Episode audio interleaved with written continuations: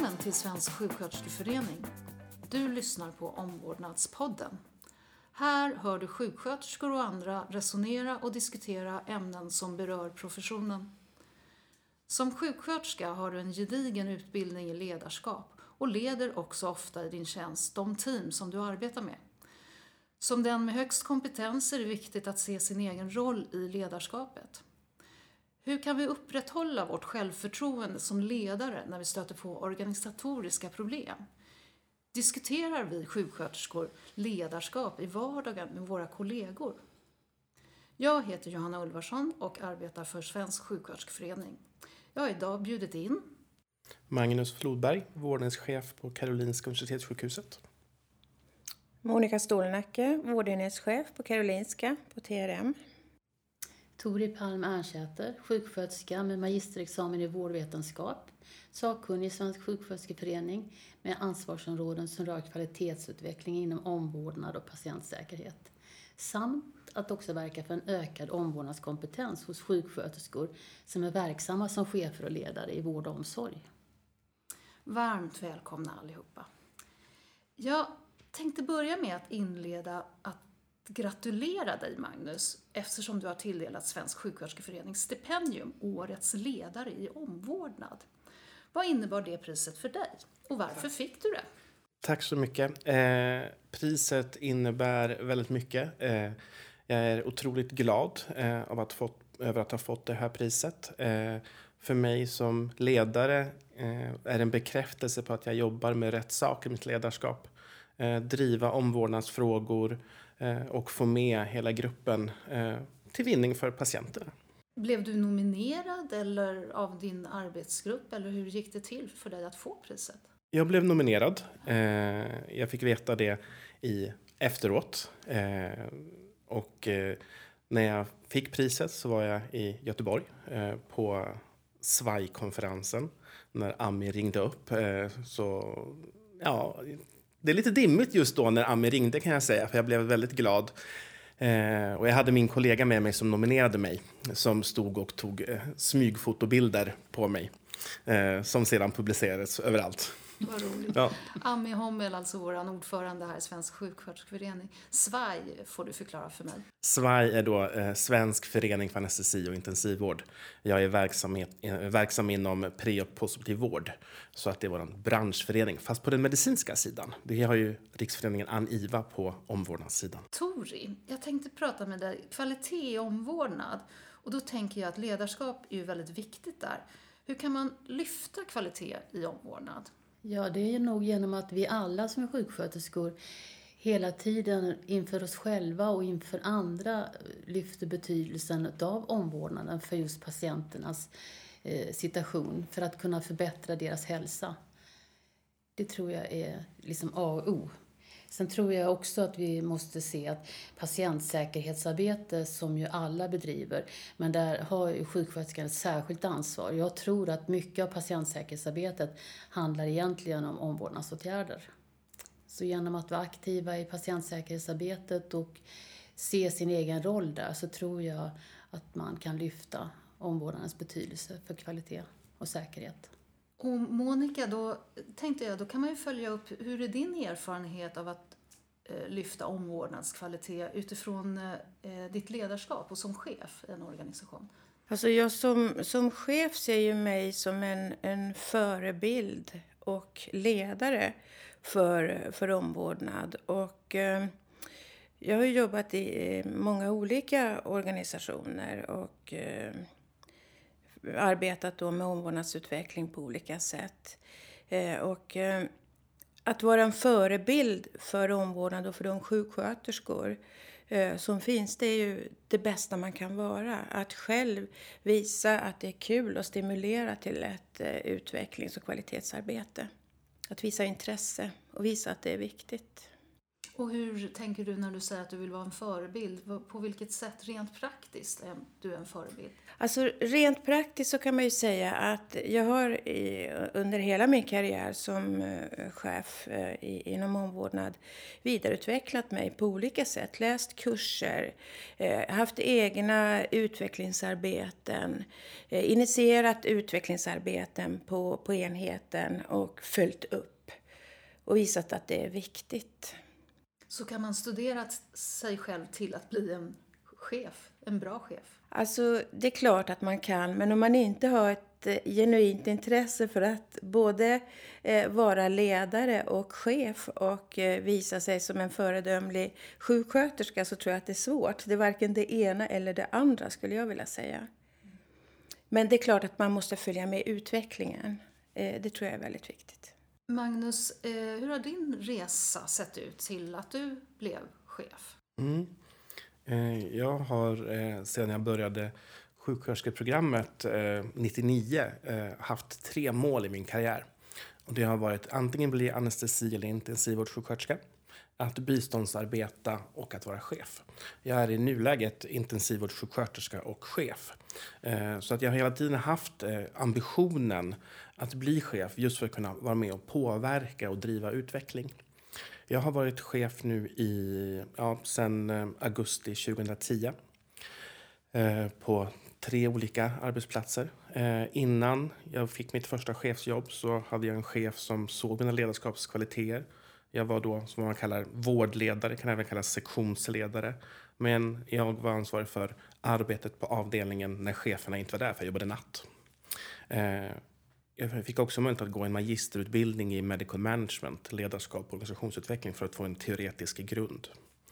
Eh, sen sökte jag mig bort från den avdelningen för jag ville inte bli kollega över mina dåvarande, eller ville inte bli chef för mina dåvarande kollegor.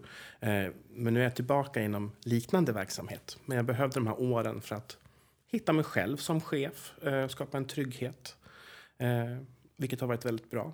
Och som ett stick på att man kan studera till att bli chef. Jag håller också med Monica. Det är bra att ha teoretisk grund att stå på. Men sen är det så mycket personlighet och allt annat som också spelar in. Ja, och eh, i min inledning så, så ställer jag den retoriska frågan hur man kan upprätthålla ett självförtroende som ledare när man stöter på organisatoriska problem. Eh, har du no, någon fundering kring det, Magnus? Mm. Eh, det är otroligt viktigt med ett nätverk Eh, där man kan vara med eh, kollegor och diskutera ledarskap och utmaningar i ledarskapet för att också få en boost för sig själv. Att men jag är på rätt väg. Eh, jag är inte helt ute och cyklar när jag tänker det här. För jag tänker att en av de sämsta sakerna man kan göra som chef är att stänga in sig på sin egen kammare och hitta på lösningar på allting. Det måste finnas en delaktighet och en samsyn i ledarskapet. Och då kan man också boosta sitt eget självförtroende och behålla det helt enkelt. Men just nätverket tänker jag är jätte, jätteviktigt. För mycket. Att hela tiden lyfta eh, problemställningar och lösningar. Precis, precis. Bara ha någon att bolla med liksom. Jag håller helt med dig. Det, det är otroligt viktigt att eh, dels nätverka men kanske också under vissa perioder ha en mentor. Och gärna en mentor kanske som står utanför sjukvården för att eh, man får tips och råd på hur man själv agerar och hur man tänker och hur man själv kan utveckla sig. Absolut. Eh, det, men nätverk det är otroligt viktigt och att man också vågar eh, blotta sin oro kanske eller okunskap i vissa frågor. Det är också jätteviktigt. Och också det här eh, med eh, Amy Edmondson, en forskare som eh, har drivit fram konceptet psykologisk trygghet. och att man kan liksom, att man känner en trygghet där man finns i organisationen. För att då kan man också få ett större driv. och det pratar vi jättemycket om nu i min ledningsgrupp och flera andra. Och just det här att i de här förändringstiderna som vi befinner oss i, eh, där allting går väldigt snabbt, att man ändå känner sig trygg i den kontext man befinner sig i och vågar ventilera det man tänker. Och jag tänker också om man är chef på första linjen, nu är ju ni båda två över första linjens chefer, men om man är chef i första linjen så tror jag att det förutom att man får ett stöd i ett nätverk och framförallt som du säger också Monica, att man får en mentor som kanske också är utanför sjukhuset, så tror jag det är viktigt att man tar, sig, tar hjälp av handledning i omvårdnad. Därför att det är det som sjuksköterskorna behöver på avdelningen. Och där kan jag känna att då behöver man inte som första linjens chef vara oraklet som vet precis vad som är rätt eller fel eller nytt eller gammalt. Utan då har man en handledningssituation med en erfaren person som kan handleda i omvårdnad. Det ger ju också stöd till mig som första linjens chef. Ja, jag tänkte följa upp eh, till dig Monica. Eh, hur ska man tänka när det gäller strategier och visioner eh, när man är chef? Det viktigaste är att jag som chef har en egen vision och att jag har grundat den. Det, det, är oerhört viktigt och man kan tro att det är ambitiöst och pompöst och, och på alla olika sätt. Men om jag inte vet vilken väg jag vill gå så är det väldigt svårt att leda en verksamhet och vara envis och förhålla sig till den här visionen. Det blir så lätt att man bromsas upp i, i en sån här stor organisation som vi jobbar i. Så att om den är tydlig för mig och jag känner att det här är någonting som jag verkligen vill göra, det här är helt okej okay, och har modet, då, då vågar man göra det. Men om jag inte vet, om jag blir vilsen och hela tiden får input från olika håll, då blir det väldigt svårt att veta hur jag ska styra min väg. Och man får ju inte glömma att vi som ledare också är, hur ska man säga, både förebilder och visar vägen för våra chefer och även för medarbetarna. Och där tycker jag att jag har en viktig uppgift och det är att visa det mod jag har. Kanske även om det inte syns alla gånger. Men liksom att det går om man bara vill. Eh, härligt, verkligen. Jag blir jätteinspirerad av att höra dig säga så. Eh, Tori, jag vet ju att du brukar prata om magnet Eh, eller magnetmodellen. Har du lust att berätta lite om den? Och jag tänker också koppla till kanske visioner och strategier. Ja, alltså magnetmodellen den har funnits hos mig jättelänge. Ända sedan faktiskt jag var avdelningsföreståndare på Nacka sjukhus för många, många år sedan. Men då var det precis som du säger Monica, då hade jag en idé om att det är ju sjuksköterskan och omvårdnadskompetensen som gör allt skillnad i världen på en vanlig vårdavdelning. Och då tog jag del av den utveckling som fanns i USA. Och då pratade man ju om primary nursing på den tiden. Men det betydde att sjuksköterskor skulle ha ett konkret omvårdnadsansvar för ett visst antal patienter. Och att man skulle få allt stöd som man kunde få i det arbetet och det ansvaret. Och så småningom så visade det sig att just samtidigt som jag höll på med det så hade man studier i USA där man tittade på hur kunde det komma sig att vissa sjukhus hade inga problem att behålla sjuksköterskor eller att få de gamla, kompetenta, erfarna sjuksköterskorna att stanna. Medan andra sjukhus, de hade jätteproblem med hög personalomsättning, dålig patienttillfredsställelse, dålig vårdkvalitet. Och då studerar man vad det var för någonting som skilde dem åt. Och då såg man att det fanns ett visst antal kvalitetskriterier. Och de har man sedan klustrat till en modell med fem stycken områden. Och de här fem områdena utmärks framförallt utav att det finns ett utvecklande ledarskap för sjuksköterskor. Och sen har man på varje magnetsjukhus också ledare, en högsta ledare som är jämställd med sjukhusdirektören, som just har en sån här vision som du pratar om Monica. Och att den finns liksom genom hela organisationen. Så vill man till exempel arbeta för en personcentrerad vård och där man har ett aktivt partnerskap med patienten och där man hela tiden strävar efter att förbättra vården utifrån den evidens som sjuksköterskor men också patienter och forskningsresultat visar, då är det en vision som genomsyrar hela organisationen. Och då får man dessutom alla processer som är till stöd, de är verkligen till stöd för att det här ska bli. Så att vården närmast patienten, den blir verkligen personcentrerad och evidensbaserad. Och det är tvärtom till jag, hur jag tycker att det är idag på väldigt många vårdenheter. Att man kan nästan tycka att eh, omvårdnaden är till stöd för ekonomin, för att den ska gå ihop, eller för att bemanningen ska fungera. Fast det borde vara precis tvärtom. Vad får jag för stöd ifrån det, det ekonomisystem vi har, eller från den HR-avdelning jag har, eller så, för att vården närmast patienten ska bli optimal? Så det är kanske magnetmodellen i ett nötskal. Och magnet betyder just för att de här sjukhusen som var bra, de hade magnetiska dragningskrafter. Och det behöver man inte gå till USA för att upptäcka, utan det vet vi ju även i Sverige att det, på ett sjukhus så kan vissa avdelningar dra åt sig personal medan andra inte gör det. Och sen säger man att ja, det kan bero på olika saker. Men oftast tror jag att det handlar om vilket ledarskap man har på de olika enheterna. Det låter oerhört elegant eh, det du presenterar, den här magnetmodellen som, som, eh, där det blir följdeffekter som blir väldigt positiva. Magnus, känner du igen dig? Eh, känner du, igen, känner du till magnetmodellen? Är det något som du strävar eller redan arbetar med? Absolut, det gör vi. Inom Karolinska har man inrättat tjänster som omvårdnadsansvariga sjuksköterskor som är ansvariga för att driva utvecklingen. Eh, och den omvårdnadsansvariga, eller OVA eh, som förkortningen är, som jag jobbar mycket med, vi har eh, utvärderat vår verksamhet enligt magnetmodellen. Vi har utvärderat fem av punkterna för att hitta dels vad har vi för grundplatta som vi står på eh, och vad vi jobbar vidare med och även involverat medarbetarna. Eh, sen har ju Karolinska i sig fattat beslut om att utbilda chefer i utvecklande ledarskap. Eh, och man har nu fattat beslut om att inrätta en tjänst som CNO, som man förespråkar i USA, eller som omvårdnadsdirektör då, som på svenska. Eh, så jag känner absolut igen mig och jag tycker att det är en positiv utveckling. Det går lite långsamt ibland bara. Eh, traditionellt så ser man ju, eller traditionellt, men, men på senare år så ser man ju ganska ofta annonser då där man söker om, om, omvårdnadsansvarig sjuksköterska. Eh, och där eh, kraven kan vara hyfsat höga på, på vilken eh, utbildning du ska ha. Man ska arbeta 80 eh, patientnära och 20 med omvårdnadsansvar.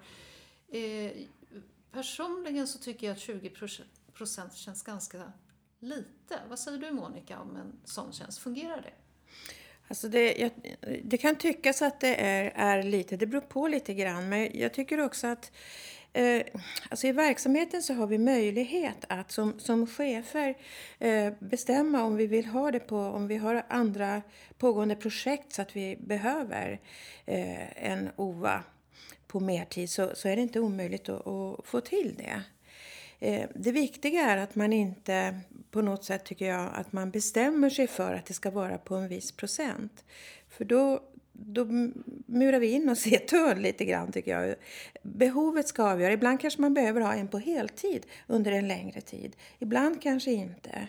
Så att det viktigaste är att man inte tappar kliniken tycker jag om man jobbar som en OVA.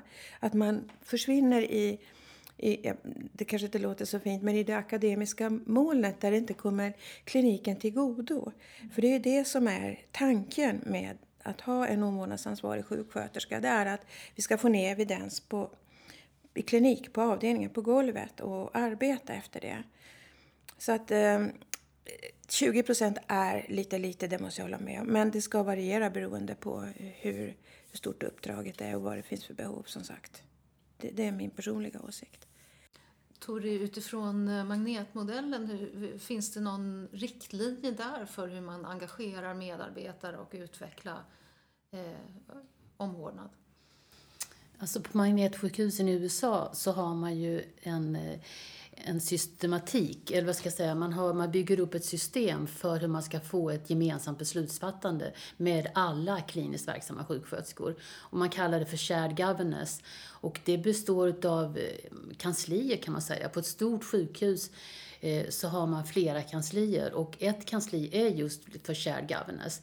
Så det betyder att när man ska fatta viktiga beslut så har man inte bara en arbetsgrupp där man låter någon sjuksköterska vara med, utan där har man ett rejält beslutsfattande och du har ett mandat och du blir vald ifrån din avdelning till att ingå i de här kanslierna. Och där fattar man beslut till exempel om att prova, det kanske har kommit ett förbättringsförslag på att ja, sådana här madrasser skulle vara bättre för att undvika trycksår.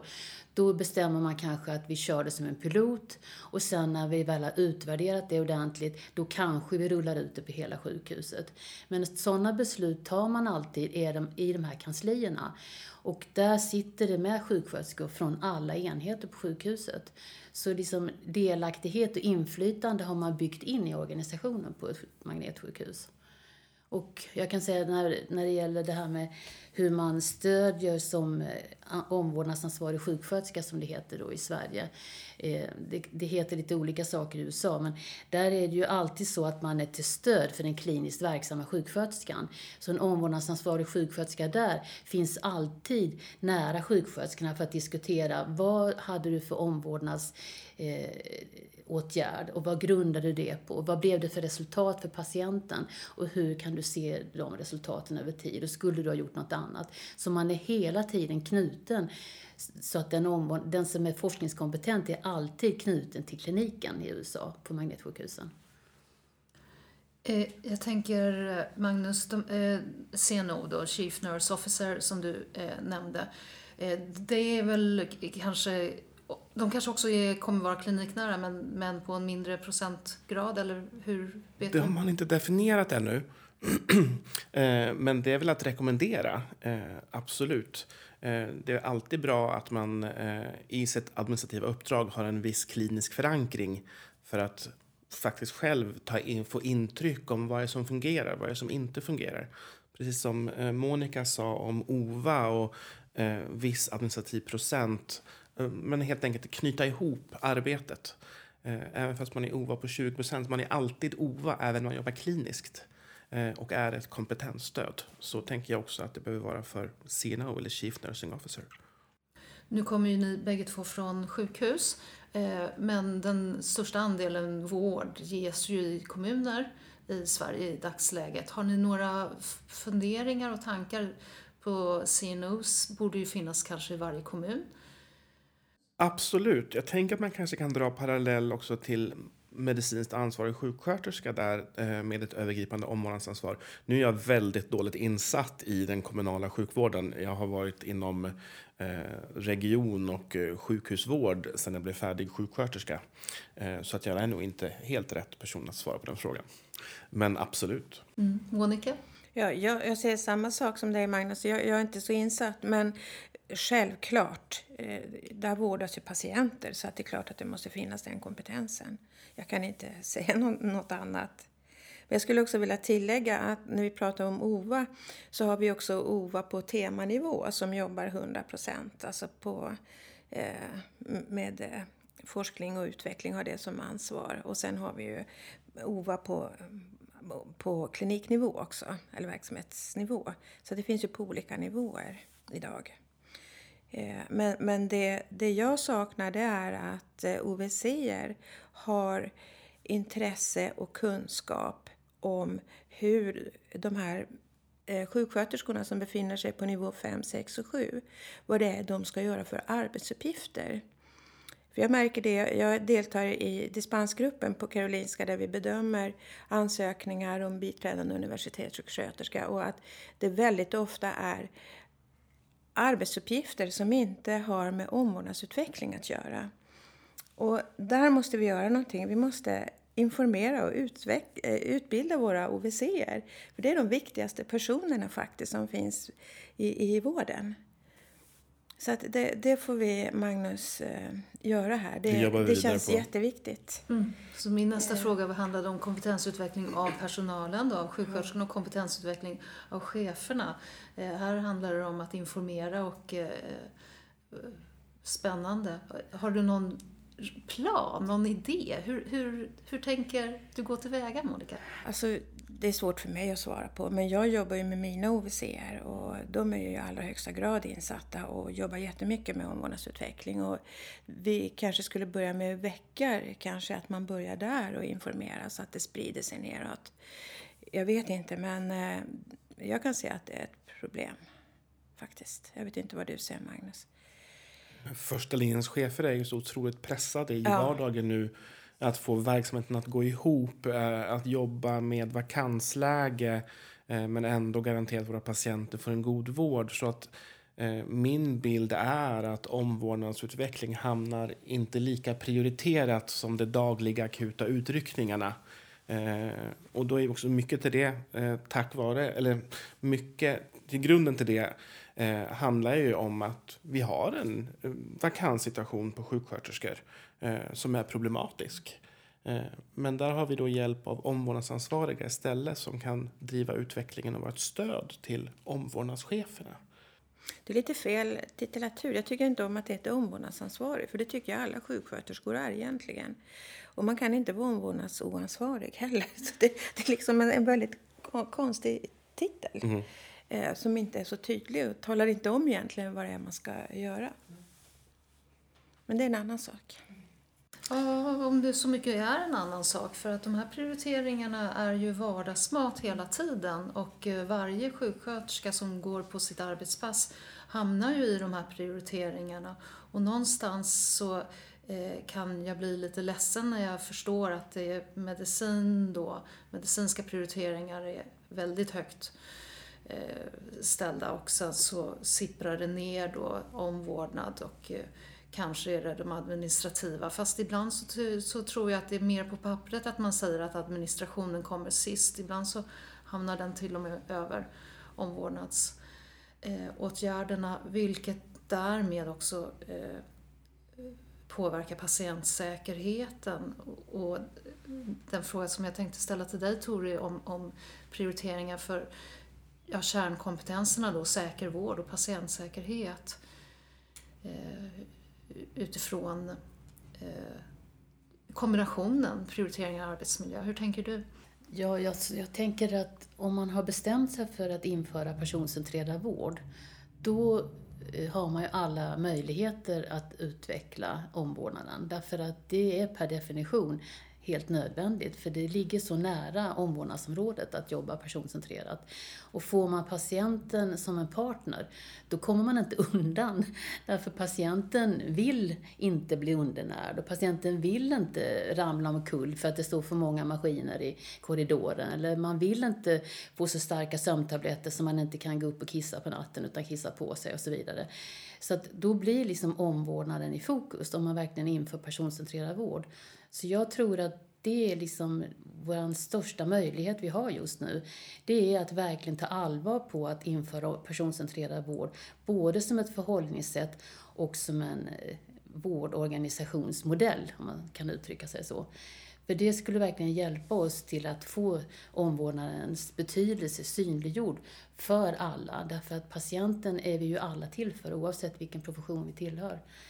Och sen när det gäller patientsäkerhet så tror jag att där har vi hållit på i flera år med att rapportera avvikelser, men ingen har ju egentligen systematiskt tagit vara på avvikelserna för att sen se vad behöver vi då bedriva för förbättringsarbeten grundat på avvikelser. Utan det måste nog till. Vi måste ta mera allvarligt på, ska vi verkligen jobba patientsäkert så måste vi använda våra avvikelser för att lära oss utav dem och se hur vi ska kunna utveckla omvårdnaden.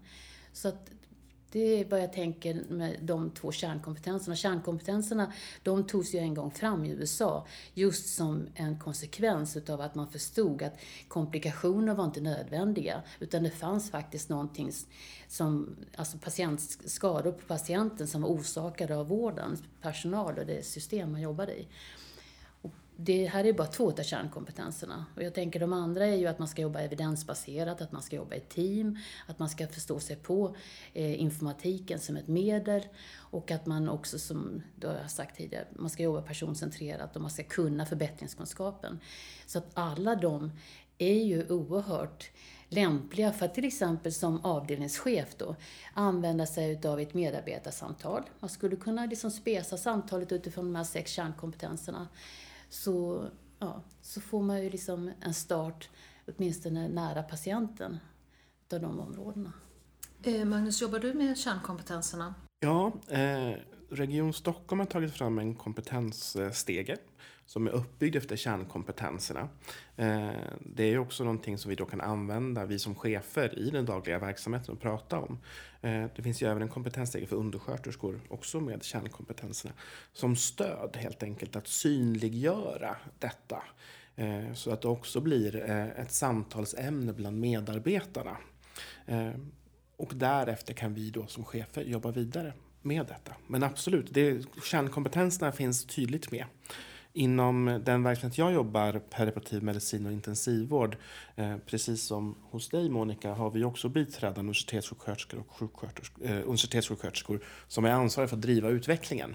Eh, och där har vi en gång per termin en träff med dessa sjuksköterskor för att inspirera och få eh, att gjuta in mer kunskap helt enkelt. Så nu eh, om någon månad så kommer vi ha vår fjärde träff och då är temat förbättringskunskap. Eh, just utifrån kärnkompetens. Så att de själva ska få berätta, med, berätta och delge deras projekt som de har jobbat med helt enkelt. Eh, och det kan vara allt från inrättandet av barnombud eh, inom intensivvården till positionering in på operationsavdelningen och så vidare. Och jobbar du också Monica med kärnkompetenser? Absolut. Alltså, jag blev överlycklig när, när de här kärnkompetenserna blev så tydliga. Det är ju den kompass vi har inom omvårdnad som styr vårt arbete. Det tidigare, tidigare var det väldigt svårt att förklara vad omvårdnad är. Men det här är så, så tydligt och det är precis som du säger, den finns i kompetensmodell, i lönesamtal. Alltså den finns i, i vardagen, på, i arbetet. Så det, det, är det bästa som har hänt på länge. Mm. Kärnkompetensen är ju eh, densamma för eh, alla professioner inom vården faktiskt. Så läkare och fysioterapeuter och så vidare har ju de samma eh, och sen så lägger du in ditt eget innehåll i dem och det är det som gör det så himla lätt att kommunicera också eh, professionerna emellan när man har den här gemensamma utgångsläget. Så att det, eh, jag håller med dig Monica. Det, det var en gåva Eh, att få det. Eh, jag tänkte gå lite vidare här och fråga dig Magnus, om du kan ge ett exempel på en situation när du löste ett problem i din arbetsgrupp så att det blev riktigt, riktigt bra. Du får förstås ge ett exempel när det gick åt skogen. Ja, jag har faktiskt jag har tänkt och tänkt, men jag har inte så många exempel. Men jag vet det arbetssätt jag brukar arbeta med, det är just att skapa delaktighet och lägga Alltså presentera olika problemen för medarbetarna, de som är involverade. Eh, just skapa delaktighet och informera och diskutera. Eh, då kan man lösa de allra flesta problemen. Eh, vi hade ju vår största utmaning eh, för ett år sedan när vi flyttade till det nya sjukhuset. Så det var ju ett rätt överhängande problem kan man säga.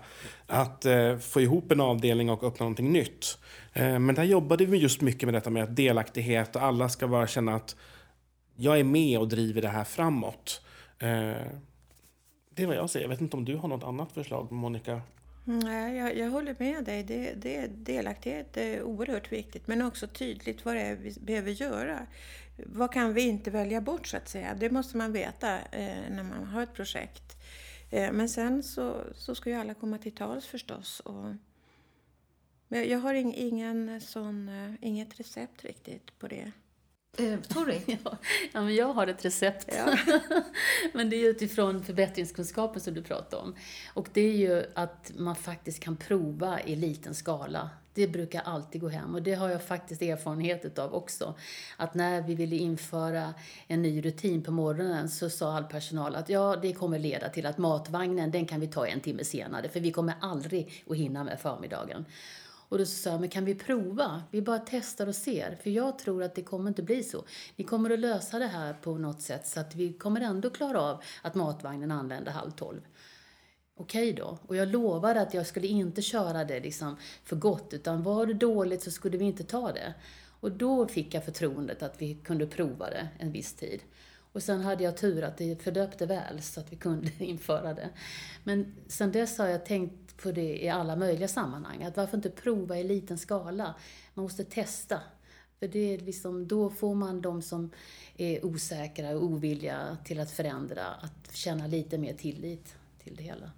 Magnus, vad är den största skillnaden för dig, alltså som, för dig som person från eh, ditt första år som chef eh, jämfört med idag, skulle du säga? Tryggheten, eh, nätverket och kunskapen om både Karolinska eh, som sjukhus och arbetsplats eh, men också kunskapen om ledarskap.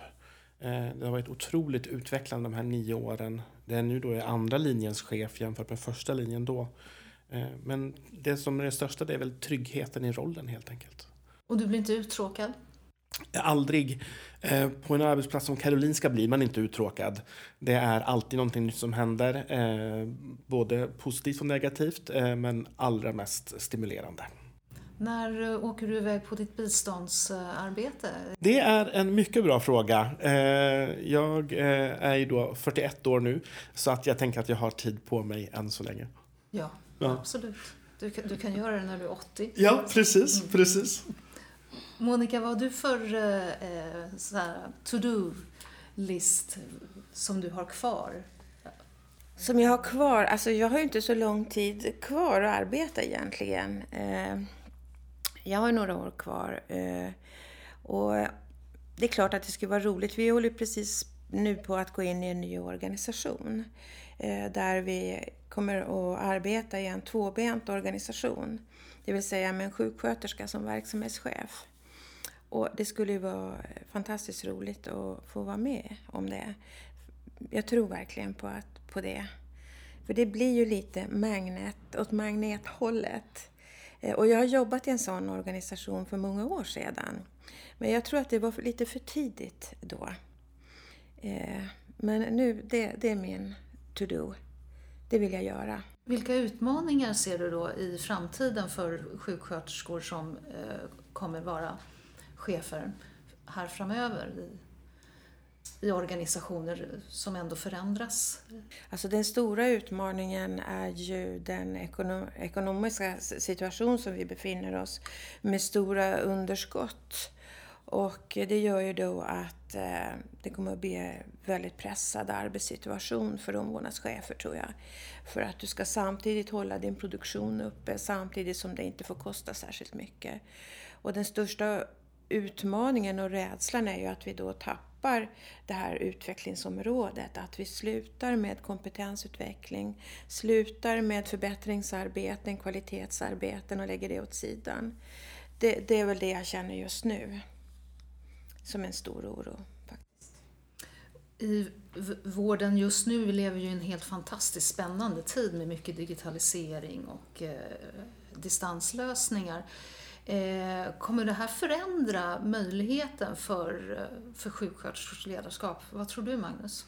Det tror jag absolut. Eh, arbetet på sjukhus har ju varit rätt statiskt de senaste ja, 10-tal, 20-tal, 30-tal år. Eh, och vi kommer se en större del hemsjukvård tror jag. Eh, just utifrån eh, digitala lösningar. Eh, tid, kortare vårdtider på sjukhus med uppföljning i hemmet. Eh, vilket ju också ställer krav på kunskap hos sjuksköterskor där vi redan har en sjuksköterskebrist. Eh, så jag tror också en svårighet kommer vara att attrahera sjuksköterskor till arbete när det finns så mycket att välja på. Men jag tror just eh, det kan både underlätta och försvåra arbetet, arbetet med digitalisering. Men det krävs helt klart nya arbetssätt. Och givet det här, Tori, tror du att det kommer bli lättare eller svårare att utveckla omvårdnad? Det beror helt och hållet på vilken eh, respons vi får från våra beslutsfattare och makthavare. Om man inser att eh, med utvecklad kompetens och med fler specialistsjuksköterskor så kan vi göra fantastiska saker. För att vi har en helhetssyn på patienten och på patientens behov och resurser. Och med omvårdnadskompetensen så kan man se helt nya lösningar och tänka utanför boxen. Men det krävs att vi liksom får gehör för det också. Som det ser ut just nu i Sverige så tycker jag att det verkar som att man tror att lösningen är att sänka omvårdnadskompetensen. Det är lösningen. Genom att ersätta sjuksköterskor med lägre kompetens, då ska man lösa det. Och det är precis tvärtom. Vi kommer aldrig fixa morgondagen och med de utmanande behoven som finns genom att sänka omvårdnadskompetensen då ligger vi illa till. Men genom att utveckla den, bredda den, ge den utrymme så tror jag att vi kan hitta fantastiska möjligheter och lösningar. Och bland annat till exempel genom att vi får ett språk för omvårdnaden som är gemensamt, ett gemensamt fackspråk över hela Sverige, så kan vi göra en helt annan dokumentation, ett helt annat lärande också, så att vi utvecklar omvårdnaden och lär oss utav våra resultat. Men då måste man ge liksom resurser för att införa ett gemensamt fackspråk för omvårdnad i hela Sverige. Och inte låta varje region ta sina egna beslut eller något liknande, utan göra någonting kraftsamla för att stödja omvårdnadsutvecklingen. Det börjar bli dags att avrunda det här samtalet lite grann, men jag tänkte avsluta med varsin fråga till er. Och Monica, hur bibehåller sjuksköterskor sin autonomi i en organisation där man är så djupt involverad med andra professioner fram och tillbaka på olika sätt? Alltså vilken bra fråga. Ja. Autonomi. Ja.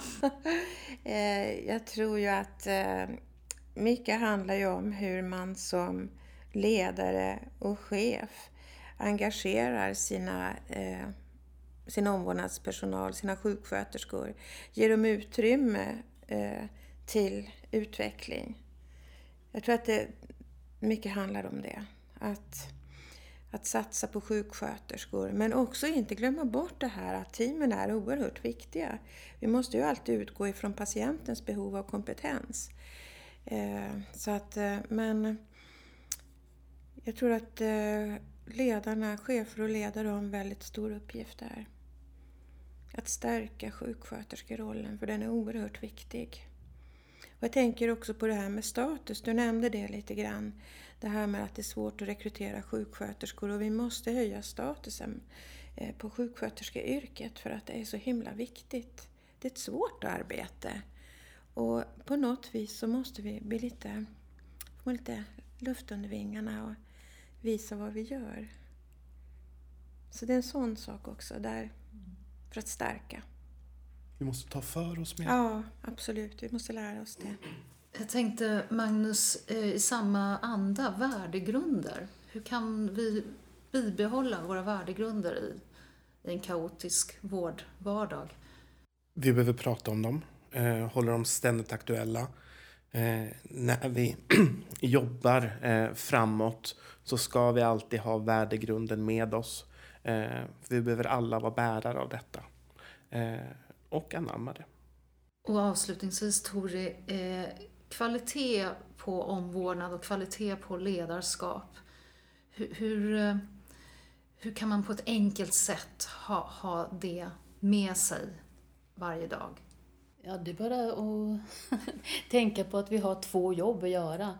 Det ena är att göra det vi är utbildade för, nämligen att ge en bra omvårdnad. Se till att det finns bra omvårdnadsprocesser så att det blir en bra vård för patienter och att närstående är engagerade, precis som patienterna. Och det andra jobbet, det är att förbättra det vi håller på med. Att fundera över hur ser systemet ut? Hur skulle vi kunna jobba annorlunda och smartare? Och hur skulle vi kunna utvecklas i gruppen så att vi blir bättre och höjer oss själva? Så att genom att tänka så att jag har egentligen två jobb. Det är att göra mitt jobb och gå hem och förhoppningsvis vara nöjd. Men det är också att hela tiden fundera över, skulle man kunna göra det här bättre? Finns det forskning eller finns det idéer hos andra kollegor kring hur man skulle kunna göra det här bättre? Och vad säger patienterna? Skulle de rent utav kunna designa våra vårdprocesser på ett annat sätt än vi har tänkt på själva? Så genom att tänka så, att jag har två jobb, då behåller man nyfikenheten och då behåller man eh, liksom intresset för att ständigt bli bättre. Bra, tack för de slutorden. Tack så jättemycket för att ni kom hit idag. Tack. Tack.